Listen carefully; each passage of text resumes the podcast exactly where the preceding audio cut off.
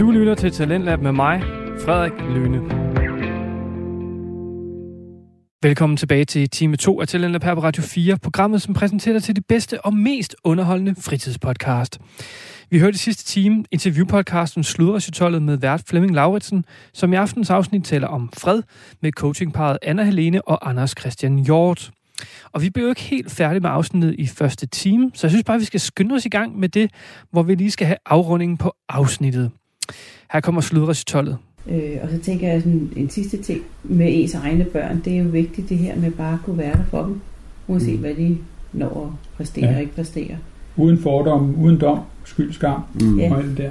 Mm.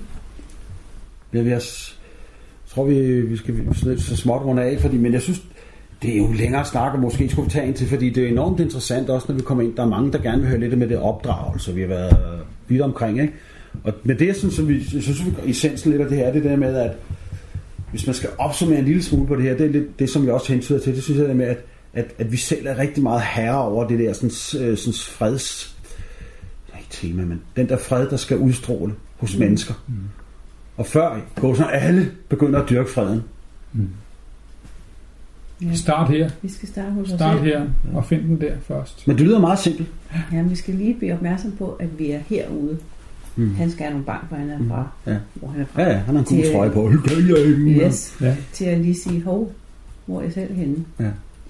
Men også at se ham, der skal ud og slås, forstå, hvorfor han skal ud og slås. Mm. Når du begynder at have empati øh, og se det andet menneske, hvor det er. Yes. Det er jo helt kirkegård, ikke? Altså, vi møder ham der, hvor han er. Han skal ud og slås, ja. Mm. Men for at jeg kan hjælpe det menneske til at komme et, et, et sted hen, der kunne være bedre for ham, så kan jeg ikke fortælle ham det. Nej, det den, øh, den synes jeg, nu sagde du empati, og det der med at prøve at forstå andre mennesker, det synes jeg simpelthen er helt podcast hver i sig selv. Okay. Og tale om, hvordan vi vi kan kun sidde og snakke gør om empati. ja, hvor meget, hvor, meget, hvor meget det egentlig betyder, hvis man prøver at sætte sig ind i andre mm. sted. Ja. Også nogen, man som synes er nogle idioter, eller det er kraftedet med, de gør dit og dat. Ja. Altså, øh, det er sådan en rigtig vigtig ting. Men vi vil nok til at slutte her. Ja. Men jeg vil godt have, at hvis I gider, der er lige nogle minutter tilbage, så kan jeg godt lide, at gæsterne i, i slutter måske lige sige nogle bevingede ord, hvad, hvad I har at fyre af her. En kort lille øh, salut. Du har altid nogle bevæget over, Anders. Ja, det ved jeg ikke. Øh, jamen altså, når, når nu øh, fremme, temaet er fred, øh, så synes jeg, at... Øh, hmm. Ja, jeg vil sige sådan her, all you need is love. Ja, all you need is love, det tænkte jeg allerede på inden, da I kom. Det sjovt. Jamen, så er der ikke mere at sige. Nej. Flemming, så er der ikke mere at sige. All you need is love, øh, fordi, til dig selv. Ja. Og når du har kærligheden til dig selv, så, så spreder den sig som domino-brækker. Det vil sige, mm. domino-brækker, som starter med kærlighed i midten, og så spreder det sig ud, og vi smitter hinanden med, med smil og venlighed og, og din mor respekt. har sagt, når et barn er mest umuligt, så skal det have masser af kærlighed. Mm. Ja, men det er mor det? og jeg synes virkelig, vi kom vidt omkring, og vi bliver nødt til at tale sammen igen, fordi det er ligesom sådan lidt uafsluttet på en eller anden måde.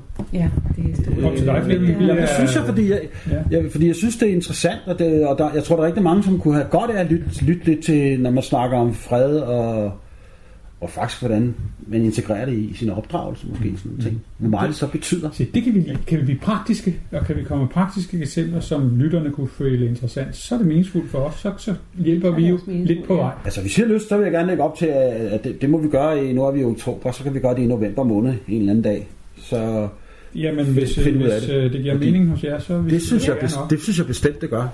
Helt sikkert. Ja. Tak for det. Selv tak. Og med de ord, øh, så vil jeg sige lige til tak til Anders og Anna Helene fra Araka for at komme her og tale med Slursatollet. Og jeg, jeg håber, at der sidder nogle lytter derude, som det giver nogen mening for det her. Og man må godt synes, vi lyder som nogle gamle flipper. Eller hvad man synes. Det er lige meget, man har lov til at synes det, man vil. Og jeg kan øh, opsnuses på, slur, eller på Slursatollet, men på Facebook. Og så vil jeg bare sige, at jeg håber, at folk har fundet ud af det her. Og tusind tak for, at der er nogen, der eventuelt gider lægge øre til det her farvel og goodbye og peace and love, og hvad var det? All you need is love. All you need is love, for, skrevet af en mand, som for, det måske ikke var så fredelig John Lennon, men lad det nu være. Fred være med det. Hej. Radio 4 taler med Danmark. Vi er i gang med aftens time 2 her i Talent af Radio 4. Det er programmet, som giver dig mulighed for at høre nogle af Danmarks bedste fritidspodcast. Vi har lige hørt afslutningen på interviewpodcasten Sludersjøtollet med vært Flemming Lauritsen, som snakkede om fred med coachingparet Anna Helene og Anders Christian Hjort. Vi iler videre, da vi nu skal til et afsnit fra fritidspodcasten Spejderliv med værterne Sten og Kim, dog kun Sten her til aften, i aftens afsnit. Spejderliv er en øh, fritidspodcast, hvor de to værter øh, tager lytteren med ind i spejderverdenen og taler om emner, som relaterer sig til spejdergærningen. I aften skal det handle om det bøvlede administrative arbejde, som ligger bag en spejderorganisation, og hvordan en lov om hvidvaskning gør arbejdet i blandt andet KFM spejderorganisationer endnu mere kompliceret, end det allerede er. Det er faktisk meget spændende, synes jeg. Her kommer Spejderliv.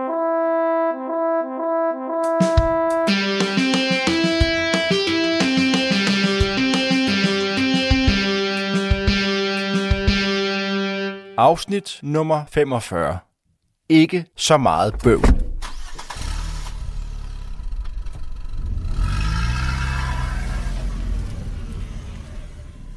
Velkommen til Spejderliv. Jeg hedder Sten. Jeg sidder, og det har jeg jo sikkert allerede kunne lytte jer frem til, jeg sidder i min bil, og jeg er på vej ind mod København. Så er der en, der ikke er med i bilen. Det har I måske allerede gættet nu, hvis I er faste lyttere af programmet. Jamen, så fornemmer jeg ligesom, at I ikke kan høre Kims stemme lige nu. Og Kim han har desværre ikke kunne være med i dag, men øh, jeg skal nok lægge mig i selen for at lave et altiders afsnit alligevel. Grunden til, at jeg kører ind mod København lige nu, det er, at jeg skal snakke med Christine Ravnlund. Og Christine, hun er forkvinde i Danmarks Ungdomsfællesråd. Du laver en masse ting. Det, jeg er interesseret i her, det er sådan en form for, øh, for lobbyarbejde.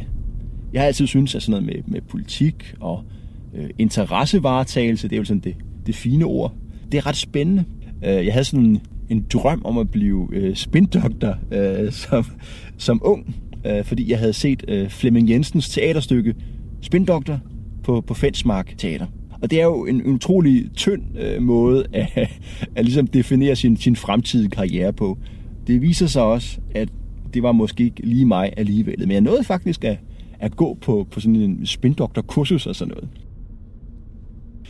Anyways, i dag skal vi møde foreningslivets spindoktorer, så at sige. Vi skal møde de folk, som laver den politiske interessevaretagelse for os selvom, hvad kan man sige, hver gang vi ser en lobbyist i et film, så er det altid sådan lidt en, en skurkagtig og nedrig person, så er det jo faktisk ret vigtigt i vores demokrati, at man som DUF, øh, der repræsenterer os som foreninger, kan komme i kontakt med politikerne og ligesom fortælle, mm, det synes vi er godt, men også meget ofte, det her synes vi er rigtig, rigtig skidt.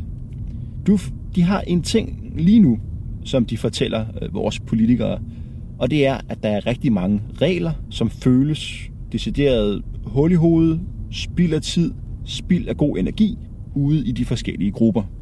Øh, de fleste husker måske knivloven, som i de første mange år skabte enorm usikkerhed, ikke? og man kunne blive anholdt for at have øh, en, en kniv øh, med sig i bilen, når man, når man kørte hjem fra et spejdermøde for eksempel. Så er der også det her med, at raftebyggerier, som står i hvad skal vi sige, offentligt tilgængelige steder, det kunne være på torvet, hvad ved jeg, Jamen, nogle gange, så skal de følge bygningsreglementet, øh, som jo også har givet en masse absurde øh, situationer. Men det store dyr i det her lovåbenbaring er den nyeste lov, så at sige, anti-hvidvaskloven. En lov, som skal forhindre kriminelle i at hvidvaske og udføre penge fra Danmark. Det er jo øh, en sag, vi alle sammen støtter op om, men for den enkelte gruppe, der betyder det mm, måske en fordobling, eller tredobling, eller firdobling af arbejdsmængden, når man er kasser. Hvorfor skal de her regler gælde for os? Ikke? Det er jo helt åbenlyst ikke en lille forening med en lille økonomi, du vil bruge til hvidvask penge. Det er der mange, der synes, der er lidt mærkeligt, og, og det kan vi også selv se. Vi har lavet et, et opslag på vores Facebook-side, og der har vi prøvet at spørge ud til til ting, der generer folk. Altså hvidvaskloven, det er en vinder. Lad os bare sige det sådan. Og jeg kommer altså til at ringe til henholdsvis Vendsyssel og Vestjylland, for at høre om nogle øh, rigtige mennesker, der har haft en hel del bøvl, og jeg synes egentlig, det er nogle, det er nogle skøre historier, og det kan jeg godt glæde jer til. Jeg vil også lige sige for en god ordens skyld, at de her interviews, jeg har foretaget over telefonen, har jeg bagefter forkortet. Det er sådan et, et, et sammenklip. Okay, nu tror jeg, I har hørt nok på mig. Nu vil jeg køre ind mod øh, det store København, og jeg rammer sådan cirka motorvejen nu, så det passer faktisk rigtig godt. Vi ses derinde.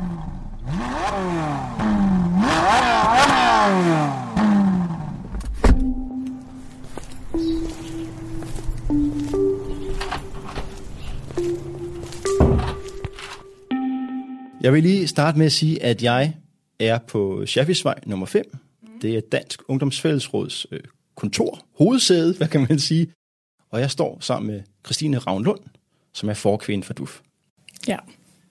Inden vi nu kommer rigtig godt i gang, så er der måske nogen derude, der tænker Dansk Ungdomsfællesråd, øh, hvad er det egentlig for noget, og hvordan er det øh, sådan, skal sige, relevant for mig, der er mm. spejderleder?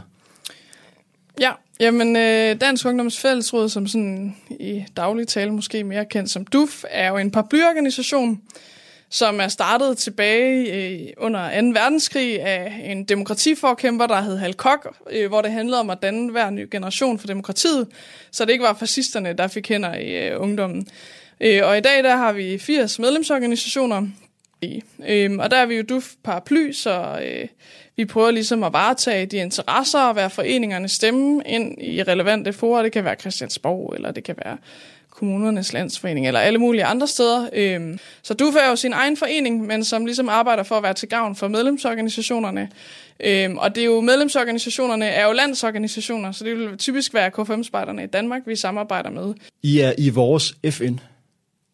Ja, det kan man. Jeg ved ikke, om man kan sige det, kan man måske godt sige. Det er i hvert fald også der sådan er den store paraply, og hvor nogen nok synes, det hele nogle gange går lidt langsomt, fordi der er mange, der skal blive enige og kommer fra forskellige steder. Øh, men der står vi jo ret stærkt på sådan øh, samtale-demokratiet, og det at demokratiet ikke kun handler om at stemme, men det er jo sådan et mindset, man skal have. Ikke? Så derfor bruger vi meget tid på at prøve at nå til enighed. Altså det er bare... Øh, unikt, at for eksempel, da Dyrenes Alliance, som arbejder for dyrerettigheder, blev medlem af DUF, ikke? Jamen, så var der en af de første, der gik op på talerstolen og sagde velkommen, jamen det var Landbo Ungdom. Mm. Altså så mange tænker tit på det politiske spektrum som de store forskelle, men der er alle mulige andre øh, spektre i DUF, hvor man virkelig skal blive enige på tværs af nogle holdninger. Ikke? Og derfor prøver vi også at samle ungdommen om de brede ungdomsdagsordner, fordi det er jo nogle ting, fordi man har så mange med, som man ikke kan blive enige om. Ikke? Så derfor kræver det tålmodighed, øh, men der er jo sådan en, en god halvkoks kultur, øh, som forhåbentlig smitter lidt af. Ja, det, det, det, det er en smuk dansk ting, mm. at man kan få så, så bredt et øh, samarbejde. Ja, og du kan man sige er også et af de bredeste ungdomsråd i verden. Ikke? Der er mange lande, som har ungdomsråd på samme måde som vi har, men der er også mange lande, hvor det måske kun er den ene del af det politiske spektrum, der er med og sådan noget, mm. øh, og hvor der er færre øh, organisationer, som ja, hvad skal man sådan sige, ikke øh, apartipolitiske organisationer, øh, som er med. Ikke? Så det er unikt, at vi er så brede i, i Danmark, og det er vi meget stolte af, og derfor kærer vi os også meget om, at øh, alle sådan på en eller anden måde kan sige sig selv i det. Ikke? Det er jo klart, at nogen er oftest mere tilfredse end andre, men så prøver vi sådan at til gud se forskellige ja, ja. på forskellige tidspunkter. Christine, nu skal vi lave et eller andet sådan filmisk sceneskift. Mm. Ikke? Vi, vi hårdt klip nu. Så spoler vi tiden tilbage til den 18. august. Ej, det er det mest spejderagtige, jeg nogensinde har lavet det her. Vi er på Amager. Yes. En, øh, en gruppe under det danske spejderkorps, der hedder Første Sønderbro. Og de har øh, en en ikke helt almindelig aften til spejler, fordi der er øh, tre prominente gæster med. Det kan man se. Der er øh, Anne Halsbro Jørgensen, kulturministeren. Mm. Vi har taget et initiativ, hvor man kan melde et benspænd. Det er der rigtig mange, der har gjort, øh, langt over 200. Øh, det er vi i gang med at finde et overblik over. Øh, og så generelt en, en foreningsindsats, som for det første handler om at lytte, blive klogere på, hvad der er bøvlet, og bagefter selvfølgelig i fællesskab gøre noget ved det. Så er der en forældrerepræsentant, som tilfældigvis er Pilo Asbæk. Yes. Skuespilleren, som vi måske kender fra Borgen eller Game of Thrones. Mm. Altså, man bliver jo så positivt overrasket, når man ser alle de egenskaber og alle de timer, der er en masse voksne, der giver min datter i, i den her spejdergruppe. Det er bare et problem, når der bruges rigtig meget tid på administrativt arbejde. Og helt konkret, så tager det tid væk fra samvær med de her børn. Og så er du der. Præcis. Når man melder sig som frivillig, jamen så er det for at være sammen med børn og unge og være motiveret af det og give sin tid der, og ikke for at sidde og bøvle med banken eller kommunen i noget tilskud eller kasserskifte. Det drejer sig om, at man skal have det sjovt med nogle børn og unge, og der er vi du rigtig glade for den indsats, Kulturministeriet har lagt i forhold til afbyråkratisering, og glæder os meget til at hjælpe med at fjerne alle de barriere, vi kan for at gøre det nemmere at være frivillig. Hvorfor, øh, hvorfor var du til spejder og bygge sådan en Da Vinci-bro øh, sammen med kulturministeren den 18. august? Altså, jeg tror først og fremmest ikke helt, jeg kan tage æren for den der bro. Vi hjalp ikke så meget. Den blev ligesom bygget af børnene, og så var der nogen, der kunne kravle over. Øh, man kan sige, at vi tager jo ind imellem på foreningsbesøg, øh, både hos øh, DDS, som det her var, men egentlig mange forskellige foreninger rundt om i landet, hvor vi tager politikere med, øh, og det er jo sådan et forsøg på at vise politikere foreningslivet, øh, og lige minde dem om, at øh, det er faktisk et virkeligt liv, der sker, og der er nogle børn og unge, som jo oplever nogle forpligtende fællesskaber, og at det er rigtig godt, og det er til gavn for hele vores samfund. Øh, og typisk så gør vi det jo, når vi har en eller anden sag, øh, hvor vi gerne vil sådan yde en form for interessevaretagelse over for en minister. Så der var et rigtig godt eksempel hos øh, første Sønderbro-gruppe, og hvor Pilusa tilfældigvis også lige havde en datter, der gik. Øh, og det spiller nogle gange bare godt sammen, at man kan få lidt mere opmærksomhed omkring sådan et besøg, hvis man har en forældrerepræsentant, der måske lige er lidt uden for normalen. Ja, ja, bestemt. Det har da ikke skadet noget, tænker jeg. Men hvad var det for noget bøvl, som havde ramt første Sønderbro-gruppe? Ja, altså man kan sige, at de har skulle skifte kasser. Øh, Flemming, deres nye kasser, han var der så også det er jo også en øh, prominent type på sin vis. Det er en vigtig rolle i en forening. Men nej, de skulle skifte kasserer, og det er jo sådan, som jeg tænker, der er også rigtig mange spejdere, der kan ikke genkende til. Det er noget, vi oplever på tværs af alle medlemsorganisationerne. er en stor udfordring, at når man skal skifte kasserer, så er det simpelthen ekstremt besværligt. Ikke? Øh, der er alle mulige, der skal skrive noget under, og så skal det ind til banken, og så var det ikke lige det rigtige, der blev skrevet under, eller der manglede en, og så skal det have en runde mere, og der er første Sønderbro-gruppe et ret godt eksempel, fordi de i flere måneder så ikke havde adgang til deres øh, hvad hedder det, bankkonto.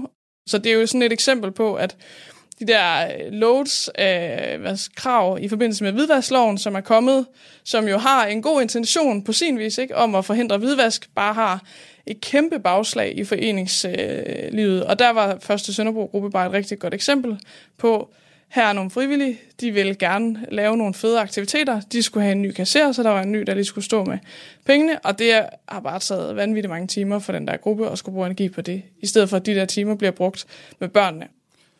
I har i DUF, I har spurgt jeres medlemmer, som dækker en, det er en bred skare. Ja, det er jo alt fra Dansk Folkeparti's Ungdom til, til rollespillere. Så vi har jo 80 medlemsorganisationer, som har til sammen sådan noget 5.000 lokalforeninger. Og det som du siger, både øh, det er jo spejderforeningerne FDF, det er også øh, sådan noget 17-19 kirkelige organisationer, det er alle elevorganisationer, det er Ungdomsrådet Kors, Sammenslutning af Unge med Handicap, Dansk Skole, altså det er en bred, bred skare af nationale ungdomsorganisationer. Men kan I på baggrund af den her, altså kan du lige nu lave sådan en top 5, selvfølgelig bare efter din vurdering, af hvad irriterer foreninger mest derude? Altså, jeg kan lave en meget, meget, meget, meget klart top 1. Ja. øh, og jeg kan også sådan, øh, få lidt ud, men så bliver det lidt mere på foreningstyper. Kan vi starte med den, øh, den mest men irriterende? den mest irriterende øh, lov, kan man sige, det er hvidvaskloven. Ikke? Øh, og det gør, at, øh, som vi snakker om før, det er ekstremt svært at skifte kasser. Det gør det ekstremt tungt og bøvlet og øh, hvad skal man sige, øh, håndtere ens økonomi i en forening. Og det har så ligesom øh, en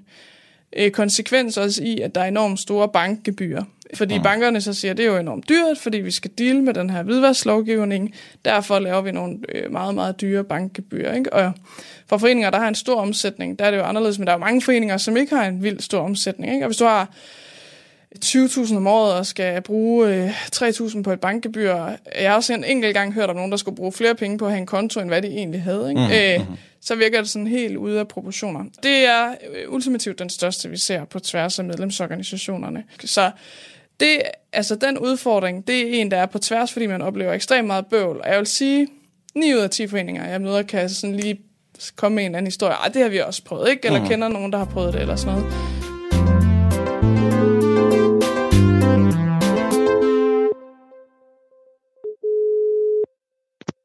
Ja, det er Jimmy. Hej Jimmy, det er Sten Eriksen fra Spejderliv. Hej. Vil du ikke starte med at øh, præsentere dig selv? Jo. Jamen, jeg hedder Jimmy Singerholm og er gruppeleder af Holbæk Rejstødspejderne på, jeg tror det er 8. år. Og vores spejdergruppe, den er på to afdelinger, fordelt i Holbæk og i Rejstrup, med øh, 150 medlemmer nu. Uh-huh. Jimmy, du har jo skrevet på vores Facebook-side. Ja, det har jeg. Med, med en masse forskellige bøvl og byråkrati. Men der er en historie, som jeg er særlig interesseret i. Ja. Og det er jo den om jeres øh, kasser-situation. Kan jeg formulere det ja. sådan? Ja, det tror jeg godt, du kan. Vil du, øh, vil du fortælle historien? Ja, det kan jeg sagtens. Jamen, øh, vi har jo gennem de sidste fem år skiftet kasserer fire gange. Og det er virkelig bøvlet i forhold til, at man skal have godkendelse fra alle bestyrelsen, og man skal så have godkendt øh, den her nye kasserer i øh, banken, og banken skal have godkendelse af, at bestyrelsen er bestyrelsen. Så derfor så skal de have en bekræftelse, hvor det, de har et, øh, et dokument, hvor der ligesom er underskrevet fra alle i bestyrelsen. Vi er 11 personer i bestyrelsen, valgt af tre forskellige enheder. Jeg tænker, det er fordi, du noterer, at du er så stille. Ja, ja, ja det er det. Og, og, og lamslået. Hvordan, øh, hvordan skriver I under, at I er dem, I er? Er det sådan noget med nem idé, eller er det underskrift på et stykke papir? Først er, det, først er det et dokument, altså et stykke papir fra banken af, hvor vi alle sammen skal skrive under med underskrift og hvad vi er, eller hvad vi har opgaver i bestyrelsen. Og derefter så skal det afleveres til banken, og så skal alle elektronisk verificere sig, øh, når det så bliver sendt en øh, mail ud til dem via, jeg tror det er e-boks. Aha, ja. Okay, så øh, hvor lang tid tager det så at skifte kasser? Sådan i gennemsnit, det må, kan du give mig et godt svar på her. Det tager øh, i hvert fald øh, cirka 9 måneder.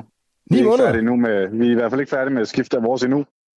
Og det havner så også lidt på nogle bestyrelsesfolk, som jeg mister energi, energien, kan man sige. Ikke? Mm-hmm. Fordi at det, det er så øh, byråkratisk tungt at rode med, og hvis man ikke har altså, nogen i bestyrelsen, der har kompetencer inden for det, altså som ruder med det til daglig, så er det jo også bare virkelig svært, selvom man måske nogen, der ruder med det til daglig, vil måske sige, at det er en lille opgave, men andre, der ikke ruder med det til daglig, der er det jo bare en kæmpe mundfuld jo. Det lyder da rimelig forstyrrende. I har simpelthen øh, ingen kasser her på 9. måned. Hvad, hvad, hvad betyder det for, for foreningens øh, økonomi? Hvis vi ikke havde haft været så heldige, at øh, vi havde to, der havde adgang til vores netbank, så havde vi ikke kunne betale noget som helst. Det lyder ikke så godt. Uh, nej, det er faktisk overhovedet ikke godt. Men ved et lykkeligt tilfælde, så har jeg så kunne betale jeres øh, vandregning og el og købe en økse ja. og hvad man nu ellers skal, skal gøre. Ja.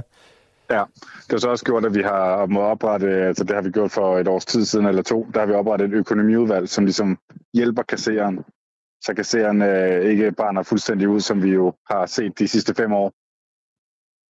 Øhm, og der var det jo så, at vi heldigvis har fået gjort, at der var en, der havde adgang til vores øh, netbank, altså fra økonomiudvalget også de der øh, ni måneder der, har I så haft, hvad skulle jeg sige, cigarkassen fremme og syet penge ind i madrassen, eller hvad har I gjort? Jamen, man kan jo så godt overføre stadig til okay, kontoen, okay, selvom ja, der ikke er en så det er ikke så galt.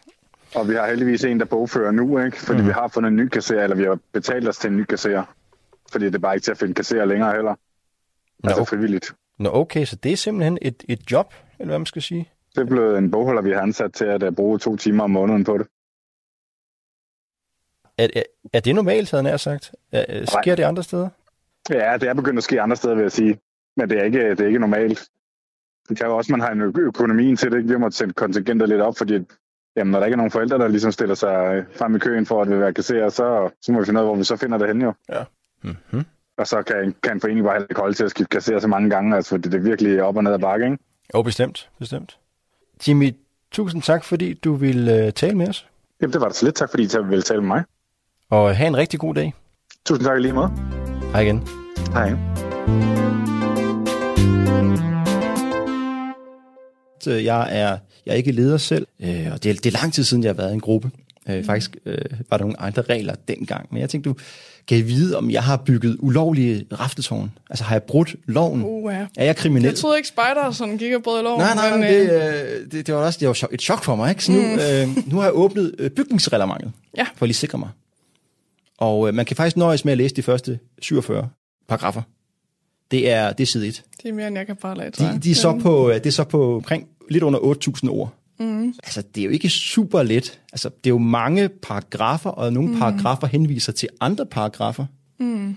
Øh, jeg, jeg har en, en, inden jeg fik min kandidat i kommunikation, så har jeg en bachelor i offentlig administration. Så jeg har haft, okay, det er en god forudsætning. Jeg har haft en god forudsætning, og min kone er sagsbehandler i kommunen. Mm. Så vi havde sådan alle tiders aften, genfandt gnisten lidt med at læse mm. loven hver for sig, så skændes om, hvad den egentlig betød. Men altså, det er jo ikke alle, der vil synes, det er lige sjovt at gennemgå sådan en lovtekst der. Det er jo sådan et svært juridisk sprog. Er det overhovedet rimeligt at forvente, at en, øh, en helt normal spejlerleder, som måske er, hvad ved jeg, 17 eller sådan noget, skal kunne sætte sig ind i sådan nogle lov? Nej, så det synes jeg jo grundlæggende ikke. Man kan sige, at oftest så er lovene der jo en grund, og det er sådan set meget respekt for, at man prøver at tage højde for sikkerhed og alt muligt andet. Ikke? Så mm. der er jo noget byråkrati, der er på en eller anden måde nødvendig byråkrati. Men så er der også noget byråkrati, der er på en eller anden måde unødvendigt, og det øh, skal man have fjernet. Men det der er tilbage, hvor puh, det er svært at sætte sig ind i, ikke? der synes mm. jeg jo, der er en vigtig formidlingsopgave øh, og en vigtig, hvad skal man kalde måske tilgængelighedsopgave for kommuner øh, mm. i at sige, men gør det øh, nemt at, at ansøge og ligesom skal ind til benet, hvad det er, der egentlig er det nødvendige at forholde sig til, hvis man skal lave en eller anden stor raftebygning. Ja. Og så oftest, så ville det jo give mening med en bagatelgrænse. Ikke? Altså, hvornår er det, at øh, hvis man skal lave et eller andet raftetårn, øh, en enkelt onsdag aften til spejder, så er det måske ikke der, at det er sindssygt okay. nødvendigt med en sikkerhedsgodkendelse, ikke? eller hvad hedder det, by- byggegodkendelse, men som er jo på grund af sikkerhed. Ja. Øh, men hvis man skal på en stor spejderlejr og skal have en konstruktion, der skal vare i flere uger, øh, hvor der er offentlig adgang, jamen, mm. så kan det måske give mening på en anden måde. Ikke? Så det er jo det der med at, jeg synes egentlig, man skal kæmme loven, hvis man kan sige det på den måde, og så, så kører alt det der ud. Og så det der tilbage, det er jo ofte svært tilgængeligt. Ikke? Og det synes jeg er et problem. Både fordi man, der er jo måske også nogle 17-årige, som ser frem til deres øh, bachelor i offentlig administration. det ved jeg ikke, men det gør de fleste nok ikke. Øh, og der synes jeg, det er et problem, at det er utilgængeligt. Ikke? Øhm, ja. Altså, jeg fik det, ikke det, super høj karakter i det. men, nej, nej, men, men, det, øh, men det, det, jeg tror, jeg kom frem til, det var, at hvis der var under 150, der kunne komme til arrangementet, og bygningen stod der i mindre end 6 uger, mm. så er der ingen behov. Nej. Men hvis der er over 150, så skal, der, skal man spørge kommunen, om de vil have en bygningsrelevant ansøgning på det. Det var min fortolkning.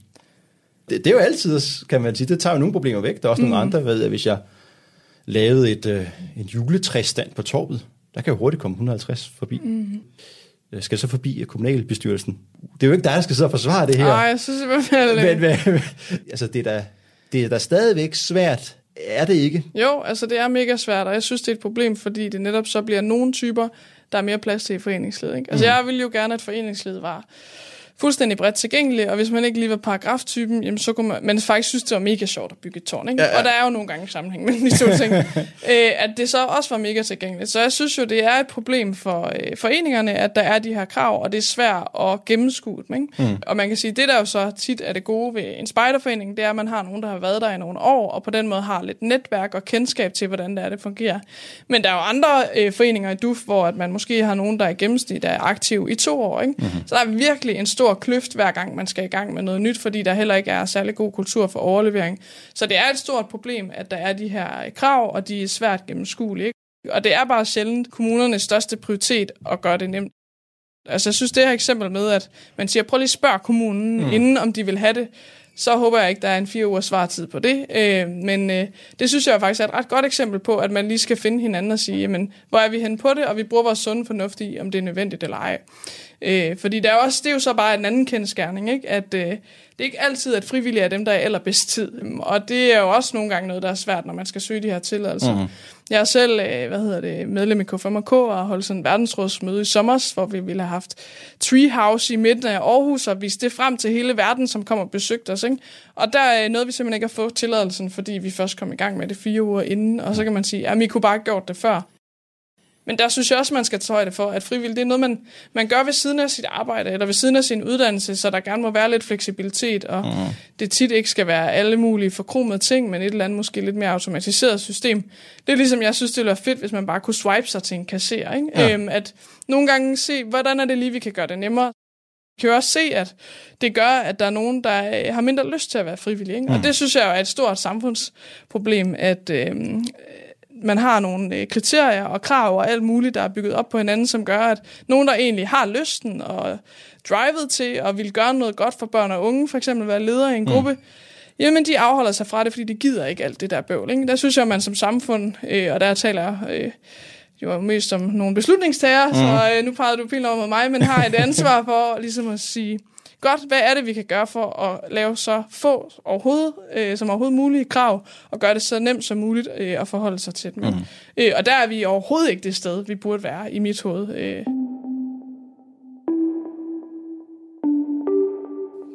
Du lytter til Radio 4. Vi er stadig i gang med aftens time 2 her i Talentet på Radio 4, og vi er i gang med at høre fritidspodcasten Spejderliv med Sten og Kim Vi skal nu høre mere fra Stens samtale med Christine Ravnlund fra Danmarks Ungdoms Folkeråd, eller DUF, som det også bliver kaldt. Her kommer Spejderliv. Det, der er sket med, med den her rafte- og telt, masteteltslovgivning, var, mm. at uh, ifølge Ekstrabladet, meget troværdig kilde Ekstrabladet, mm. i 2013 blæste Cirkus Arenas uh, telt ned i Kalamborg, mm. og syv mennesker kom til skade. Og så er der selvfølgelig nogle journalister, der har set det, og, og, og spurgt nogle politikere, mm. hvad vil I gøre ved det? Præcis. Hvordan kan vi sikre, at det her aldrig sker igen? Og politikere har sagt, bare roligt, vi laver samråd, vi laver regler, mm. vi sikrer, at det her det aldrig kommer til at ske igen. Og det er vel sådan en, en mølle, der skaber byråkrati. Men hvordan pokker går man imod det? Det er jo sådan en afvejning af, det der ene eksempel, skal det afføde en masse, masse regler for mange andre. Ikke? Og det er jo også en villighed til nogle gange at tage en risiko. Øh, og mastesejl er også noget, vi har brugt enormt meget tid på du fik Tidligere der skulle man øh, søge øh, hvad hedder det, tilladelse over 50 kvadratmeter. I dag er det så 100. Mm. Så vi har fået rykket grænsen på det der. Ikke? Ja. Men det var også i en runde, hvor man kiggede på reglerne, hvor det så blev vores hovedprioritet, fordi vi skulle have noget igennem, ikke? og så var der andre ting, vi, vi prioriterede lidt mindre. Så det er jo sådan et konstant pres og et konstant, øh, hvad skal man sige, øh, fokus, og så er det at fremvise alle de ansvarlige øh, foreninger, der er, som virkelig har sund fornuft med sig. Jeg tror mm. også, det er det, man nogle gange glemmer, ikke? når der er sådan et eller andet. At, at, ting kan jo altid gå galt, men hvad er måden at dem op for det? Og der tror jeg, at vi har også sådan en meget stor dagsorden med at sige, at unge kan godt finde ud af at tage ansvar. Mm. Øh, unge kan godt finde ud af at tænke sig om, når man gør tingene sammen og er forpligtet på hinanden, jamen så gør man det ordentligt. Og den fortælling er jo også en del af det her, hvad skal man sige, regel tyranni, som nogle gange fungerer. Ikke? Så det er jo ligesom at angribe det på forskellige måder. Fordi et sted, hvor jeg for eksempel synes, det giver enormt god mening at have øh, det, man vil kalde et byråkrati, det er jo, øh, hvad hedder det, øh, børneattester. Ikke? Mm-hmm. Øh, det tror jeg, at de fleste har forståelse for, og der er også kommet smidigere og smidigere systemer for, hvordan man gør det. Øh, men det, der er det faktisk en ret meningsfuld lovgivning, at man gerne vil passe på nogle børn og mm. unge. Ikke? Øh, så det er jo, øh, det kan sagtens give mening at have nogle regler. Der er bare rigtig mange steder, hvor det ikke, ikke giver mening. Øh, Ja, nu glemte jeg så lige spørgsmålet. Du stillede, den kan komme ud af en tangent. Ja, helt sikkert. Men, øh, ja. det, det er da rigtig nok også, øh, hvidvaskloven er jo hvis nok på baggrund af, at islamisk stat øh, støtter har brugt de her forskellige huller, skal vi så sige, der var i loven dengang, til at hvidvaske øh, penge, til at støtte terror. Det er jo også enormt alvorligt, ikke? Præcis, og der er jo bare noget med proportionerne, ikke? Og det er mm. jo også det, når du siger, peger på det her selv fra Circus Arena, altså, de der få eksempler, hvor det går virkelig galt, er det så øh, hvad skal man sige, forhindrer man dem ved at sætte en kæmpe, kæmpe mølle i gang med alle mulige krav. Det er det, man måske nogle gange skal overveje. Ikke? Og der mm. tror jeg lige præcis, at hvidvask er et ekstremt godt eksempel på, at øh, det er meget, meget få eksempler, der er, og, og det synes jeg ikke er proportional med den indsats, man så har gjort i forhold til, at alle mulige almindelige mm. foreninger skal underlægge ting. Ikke? Fordi jeg synes sådan så også, det er fair, at hvis man øh, overfører en mange, mange penge til udlandet, jamen, så er der lige et ekstra tjek. Ikke? Det er jo mm. en god, hvad skal man sige... Øh, ja, parameter for, okay, der slår jeg lige ud, lad os lige kigge på det. Mm. Men hvor der er bare mange, som automatisk slår ud, fordi det er en forening, hvor det ikke øh, er grund til at være sådan ekstra mistænksom. Ja, så i princippet gælder de samme regler for hvad ved jeg, Danske Bank og Bankoforeningen i Sønderborg, sådan måles, ikke? Altså det øh, der er problemet. Ja, så, ja, jeg vil sige, der gælder nok det, nogle flere større regler. Det tror jeg, det tror jeg, at Danske Bank vil være. Men, men det er jo, at det er nogle, nogle meget store foreninger. Altså for eksempel øh, nogle store humanitære organisationer, som sender penge til konfliktzoner. Ikke? Mm. Det øh, er jo den samme lovgivning, der så gælder for DDS øh, første Sønderbro-gruppe. Ikke? Mm det er måske ikke helt proportionalt, ikke? Nej, og der vil jeg sige, men det skal også være tilgængeligt for Røde Kors og gøre deres arbejde godt. Men det, at man sender en masse penge til nogle øh, konfliktramte områder, det er måske fint, at det lige slår ud i et eller andet banksystem og lige skal undersøges lidt ekstra. Ikke? Mm.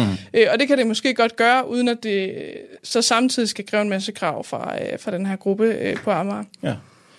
Altså, jeg er jo helt med dig. Altså, vi, mm. vi, vi er enige yes. om det her, ikke? Vi, vi kæmper samme sag, men jeg tænker bare, at den kan være svær, fordi hvis du på en, for eksempel rafte, raftetårn, ikke? der er faren er jo, det falder ned i det offentlige rum, slår nogen. Folk kommer til skade, folk kan dø. Så, så på den ene side er der nogen, der kæmper for sikkerhed for vores mm. børn, og på den anden side er der så os, der kæmper for retten til at brække et ben ja. i ny og næ. Jamen, der tror jeg bare ikke, vejen for vores samfund er, at man skal pakke børn og unge mega meget ind i vat. Altså, mm. nogle gange er der nogle risikosive ting, man gør, øh, og det må man ligesom forholde sig til. Og der er jo vores konstante fortælling, øh, at man er ansvarlig. Altså, øh, man lader ikke bare lige, nu hedder det tumlinger i FDF-sprog, mm. ikke det anden klasserne, øh, bygge et eller andet raftetårn på mange meter, og så kan de kravle op, uden de nogensinde har lært at binde en besnøring. Ikke? Altså, mm. tingene foregår jo på en rigtig forsvarlig måde, og folk er gode til, og hvis man klatrer og lærer at sikre, så har man jo taget et klatrekursus. Ikke? Mm. Så jeg oplever, og det tror jeg også langt de fleste vil have oplevelsen af i Danmark, at spejderne er jo nogle ganske ansvarlige mennesker, som godt kan finde ud af at forholde sig til, hvad der er op og ned, og ja, så er der godt nok en knoglebus på spejdernes lejr, fordi man brækker en ben en gang imellem. Men måske det så er okay, fordi man kan også snuble på fortoget. Ikke? Mm. Altså, jeg tror ikke på, at det er løsningen, at man pakker alting ind og altid tager de største forbehold overhovedet. Der er nogle forbehold, der giver mening. Det er skide smart, og det skal også være dem, der er der, men der skal ikke laves alt muligt andet, som kommer, fordi der engang var sket en fejl et eller andet sted. Ikke? Det, er, det er igen det der med lige at have proportionerne rigtigt. Jeg tror, de fleste vil sige, Nå, men hvis der øh, er et par børn, der skal gå med gips hvad, et par uger øh, om året, øh, kontra at øh, de aldrig vil komme ud og få de der oplevelser, fordi der var nogle øh, ledere, som ikke kunne overskue at lave ansøgning. Der tror jeg, at både børnene og forældrene forhåbentligvis, og alle andre godt kan se, hvad det er, der giver mening i den der. Øh, og man har jo bare nogle ledere, som altid vil passe på børn. Ikke? Mm. Og nogle gange er det at passe på nogle børn, og så sende dem ud i nogle lidt farlige situationer, hvor de så får en succesoplevelse, øh, og på den måde vokser det. Ikke? Og det er jo det, vores foreningsliv kan. Var det godt, du vil stå på mål for det? Ja, ja.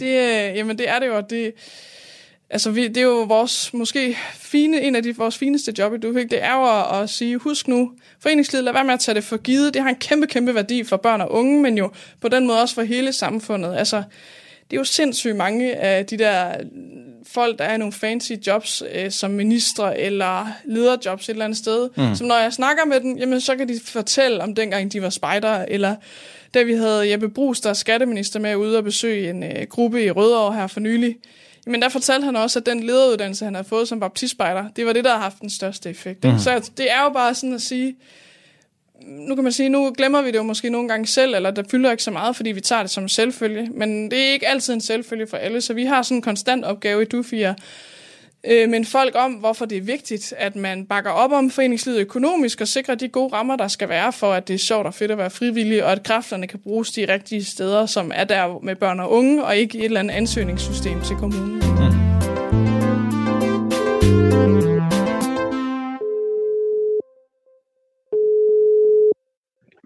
Hej Else. Hej Else, det er Sten Eriksen. Ja, hej. Hej, tak fordi du ville snakke med os. Ja, det vil jeg gerne. Du har skrevet på vores øh, Facebook-væg en historie omkring, ja egentlig en, en del ting, men, men noget jeg har bidt mærke i, det var en historie omkring noget brændesal. Ja. Vil du ikke lige øh, dele den her historie med os? Det vil jeg rigtig gerne. Vores gruppe er Saldum-gruppe oppe i Nordjylland. Vi har hele vores identitet er lidt øh, omkring brænde, øh, hvor vi har fået nogle, nogle gratis træer og lægebilder og øh, og hvad hedder solgt øh, til turisterne i vores øh, brændeskur. Så kom vi sidste år i december, og så starter energikrisen.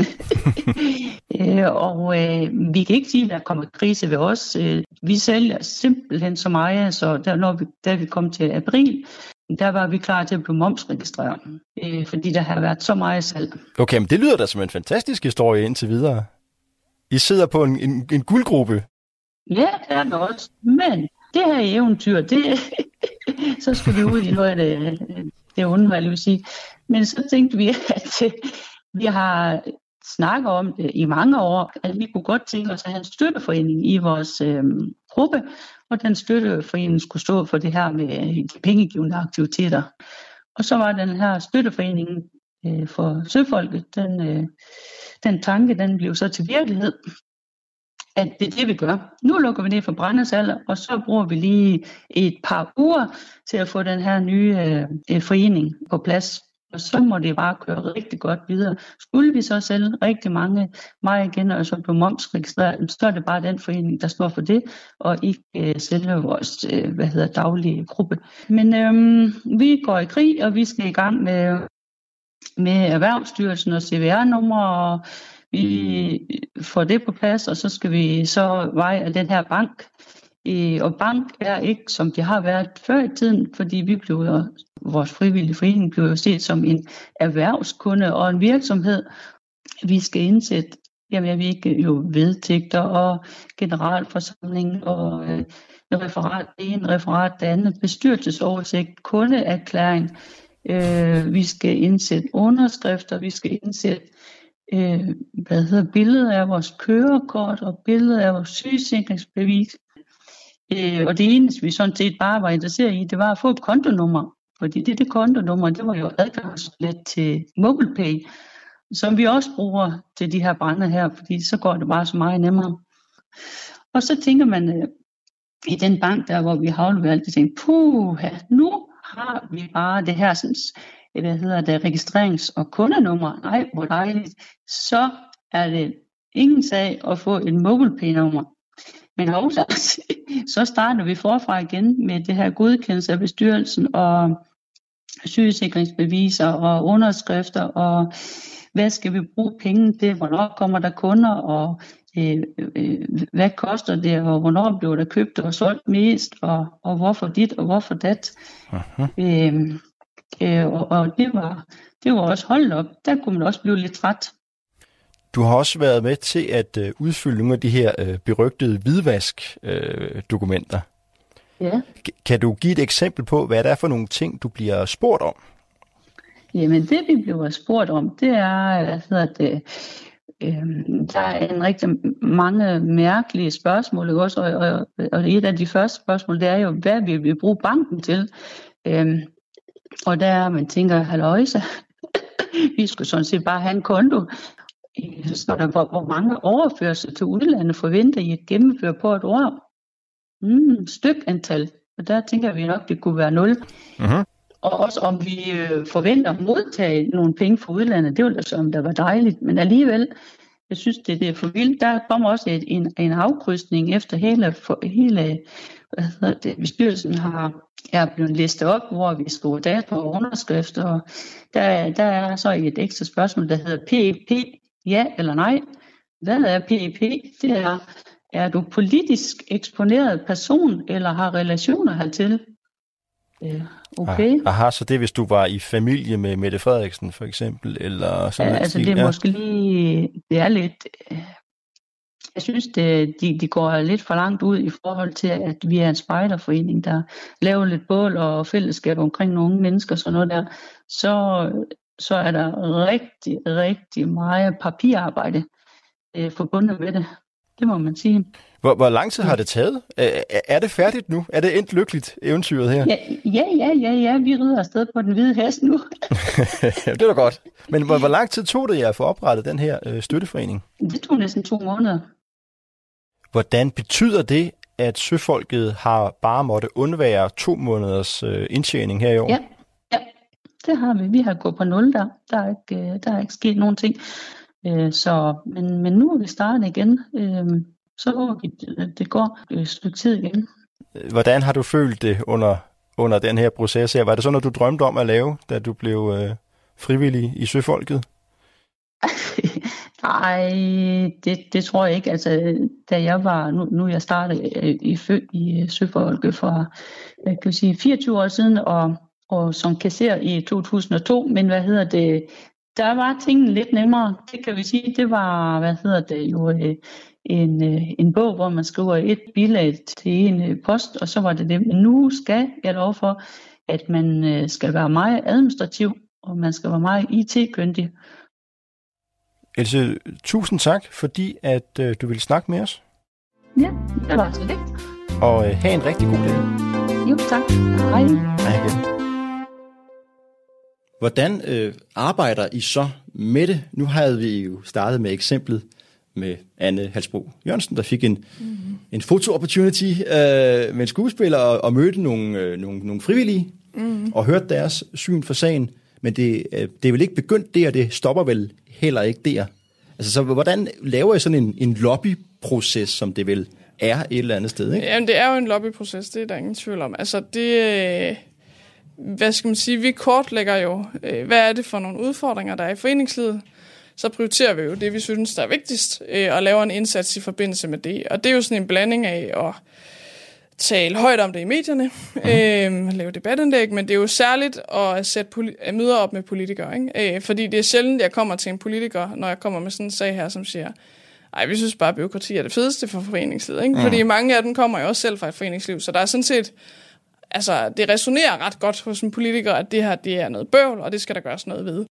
Og vi har virkelig prøvet at arbejdet meget med det og haft en, øh, vores politiske chef Daniel, han har siddet i sådan en arbejdsgruppe med Finans Danmark og nogle andre foreningsaktører og arbejdet med sådan en vejledning, som bankerne skal have, øh, som Finans Danmark så også er inde over, hvor vi siger, jamen, hvis du øh, er medlem af en national demokratisk organisation, jamen, så skal du ikke slå ud på øh, risikoparameter. Ikke? Hvis du er medlem af en landsorganisation, ja, så skal du heller ikke. Hvis du er en gammel organisation, så ligesom prøv at sige, hvad er det for nogle parametre, hvor vi kan sige, det sænker ligesom risikoen for, at man laver hvidvask. Og for eksempel øh, hvidvask, det er langt de fleste ordfører enige i er et stort problem, og mm. der kan man så rende ind i det, man vil kalde en EU-mur. Ikke? At det er nogle gange lidt begrænset, hvad folketingspolitikere kan gøre. Det var, for jeg skulle lige til at være, være kritisk og så mm. sige, at hvidvaskloven, det er jo et EU-direktiv, ja, der er blevet implementeret i dansk lov.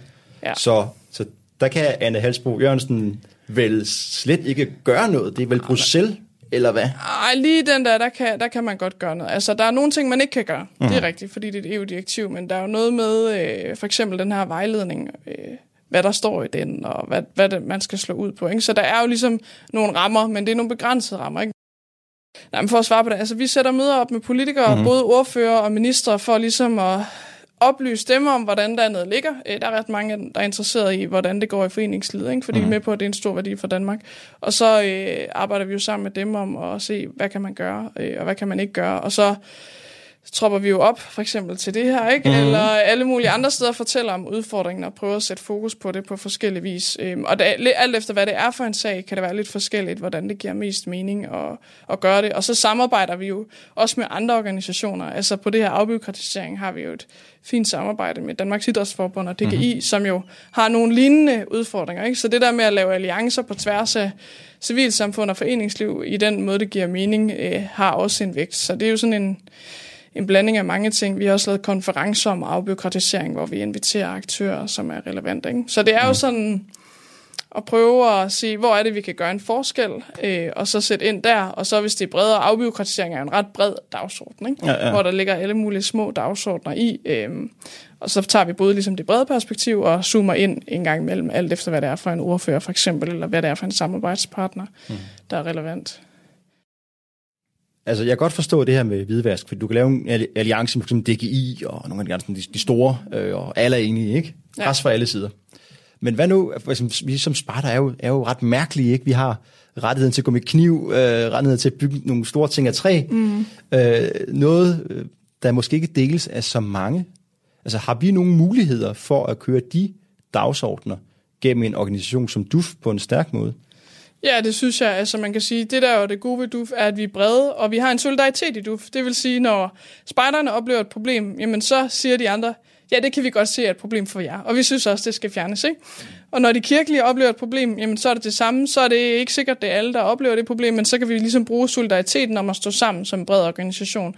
Så der synes jeg ligesom, at uh, DUF-fællesskabet løfter de forskellige dagsordner, der måtte være hos de forskellige organisationer. Ikke? Mm. Og så er det også en kendt skærning, at spejderne er enormt kendte, og en stor del af, der er rigtig mange medlemmer, så på den måde er der også noget tyngde hos uh, spejderne af FDF i, uh, i DUF, uh, hvor man kan løfte nogle ting ind. Uh, men det er jo den her solidaritet og det, vi står sammen på tværs der er et rigtig stærkt kort, øhm, og det, at vi ligesom fælles kan gå ind om nogle dagsordner. Ikke? Mm. Øh, og nogle gange, når man sidder i, på delegeret med, eller man sidder på styrelsen, og der er nogen, der siger, ved hvad, det er sindssygt vigtigt for os, det her. Vil I andre ikke godt bakke op? Jamen, så vil man godt det, og så går det også den anden vej, når det er gældende. Ikke? Mm. Og det er da klart, der er nogen, der lige skulle have forklaret det der med våbenlovgivning og kniv og sådan noget. Ikke? Man kan jo godt se pointen med det, at det er absurd, at man skal anholdes, fordi man har en kør med en økse eller en dolk fra spejder og hjem til øh, kredshuset, som det hedder i min sådan FDF-verden. Ja. Og det er vel også en succeshistorie, kan man sige, fordi knivloven er jo på et niveau nu, øh, hvor jeg tænker, at den ikke påvirker os negativt.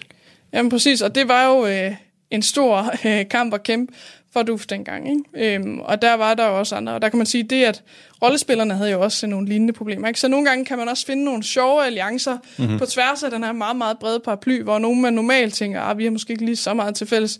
Så kan der lige være nogle nischer en gang imellem, hvor man øh, har noget, øh, noget, en fælles dagsorden. Og jeg tror, der er mange, der ikke lige havde tænkt, om jeg skal da forholde mig til videre når man bliver frivillig. Mm. Det er der så lige pludselig et meget, meget stort fællesskab omkring, øh, hvor man kan bitch lidt over, hvor svært det er. Ikke? Mm. Super. Jeg tror, vi er ved at runde af. Held og lykke med at få fjernet de aller værste konsekvenser af hvidvasklovgivningen. Tak. Og hvis man har øh, nogle eksempler på bøvl i foreningslivet, så er man altid meget, meget velkommen til at føde dem ind til os. Fordi det er også det, vi lever af, ikke? Og kan give eksemplerne, og kan fortælle noget om omfanget til de relevante aktører, der er øh, på Christiansborg eller andre steder. Så bare øh, keep it coming. Det er træls, det er der, men hellere fortælle os om det, fordi så kan vi hjælpe med at gøre noget ved det. Tusind tak, fordi du ville være med her i dag. Selv tak. Det var en fornøjelse.